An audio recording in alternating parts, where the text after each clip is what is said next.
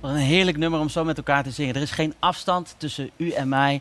En het is ook zo super mooi dat er geen afstand is tussen ons. Dat we verbinden zijn via de tv en via het internet. En ik hoop echt dat als je kijkt en waar je kijkt, dat je dezelfde tegenwoordigheid van God ervaart die wij hier in de studio met elkaar mogen meemaken. God heeft een plaats voor jou aan zijn tafel. Daar wil ik het vandaag met je over hebben. En het schriftgedeelte wat ik aan je voorlezen wil, staat in Psalm 23, vers 5. U nodigt mij aan tafel voor het oog van de vijand. U zalft mijn hoofd met olie. Mijn beker vloeit over.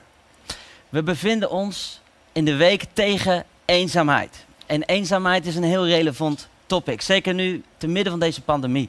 Het is ons heel bekend dat er heel veel ouderen zijn die zich eenzaam voelen. Als je geen bezoek meer kunt ontvangen, is dat ontzettend moeilijk. En tegelijkertijd zijn er ook heel veel jongeren die zich heel eenzaam voelen. Simpelweg omdat ze zich niet begrepen voelen. Je kan onderdeel zijn van een hele grote groep en toch ergens alleen zijn. En dan is het een soort van emotie. En wat is het dan mooi om te weten dat we een God dienen die tegen ons gezegd heeft: Ik zal je niet laten vallen, ik zal je niet verlaten, ik zal altijd bij je zijn. Dat zei hij in Hebreeën 13, vers 5. Nou, vandaag wil ik je meenemen naar een Bijbelverhaal. Misschien ook wel een beetje een vergeten Bijbelverhaal. Dat is het verhaal van Mephibozet. En misschien heb je die naam nog nooit gehoord, daarom zal ik iets van de context uitleggen van wanneer dit plaatsvond en waar dit ongeveer gebeurde. Mephibozet was de kleinzoon van de allereerste koning van Israël, koning Saul. Koning Saul was de eerste koning en Saul ondanks dat hij het goed geprobeerd heeft, heeft een heleboel fouten gemaakt, net als wij allemaal overigens. Maar op een gegeven moment zag God het niet helemaal meer zitten. En toen kwam daar koning David. Koning David kwam uit een heel andere familie klein van gestalte, viel niet erg op, maar God die schoof hem naar voren. Saul die kon er niet goed mee omgaan. Het was gelijk een soort competitiestrijd en er kwam heel veel oneenigheid tussen die twee. Alleen koning Saul had een zoon en zijn naam was Jonathan. En wat we zien in de Bijbel is dat David en Jonathan boezemvrienden werden. Die werden hele goede vrienden.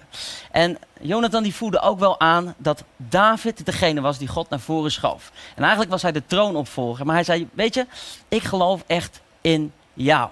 En ze hadden een verbond samen. En ze hadden aan elkaar beloofd, David vooral, ook aan Jonathan, mocht het zover komen dat jouw vader er niet meer is of jij er niet meer bent, dan zal ik ervoor zorgen dat ik goed zorg voor jouw nakomelingen.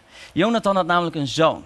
En met deze zoon wat iets bijzonders gebeurd in zijn jeugd de vroedvrouw die had hem laten vallen toen ze ergens voor op de vlucht was geraakt. En die zoon van Jonathan die heet Mephibozet. En toen die viel, die zoon, raakte die ook kreupel. Dus dit was een gehandicapte jongen. En toch was die ja, onderdeel van de, uh, van de koninklijke familie. Zo kun je het eigenlijk een beetje zien. Nou, wat belangrijk is om niet te vergeten, is dat er een aantal hele mooie dingen staan in dit verhaal. Allereerst Mephibozet betekent letterlijk die schande verbreidt, die schande ademt. Dat was eigenlijk zijn identiteit. Hij die ons eigenlijk voor schut zet. En dat deed hij door middel van zijn handicap. Dan moet je nagaan dat hij ook gewoon die naam draagde. En hij woonde in Lodebar. En dat betekent eigenlijk letterlijk geen woord, geen weide, een nietig ding. Mephibozet die leefde nog toen zijn opa en zijn vader al overleden waren in de strijd. Nu was het zo dat David op een dag in zijn paleis zei tegen een van zijn mensen: Joh, luister goed. Is het zo dat er misschien nog ergens iemand leeft van het koningshuis van Saul? En als die er is, dan wil ik hem graag ontmoeten. Nou, in die tijd was het heel normaal dat als zoiets gebeurde, ehm, dan zou zo'n persoon eigenlijk een kopje kleiner gemaakt worden. Omdat hij eigenlijk met recht, hij, had recht op de troon waar David op zat.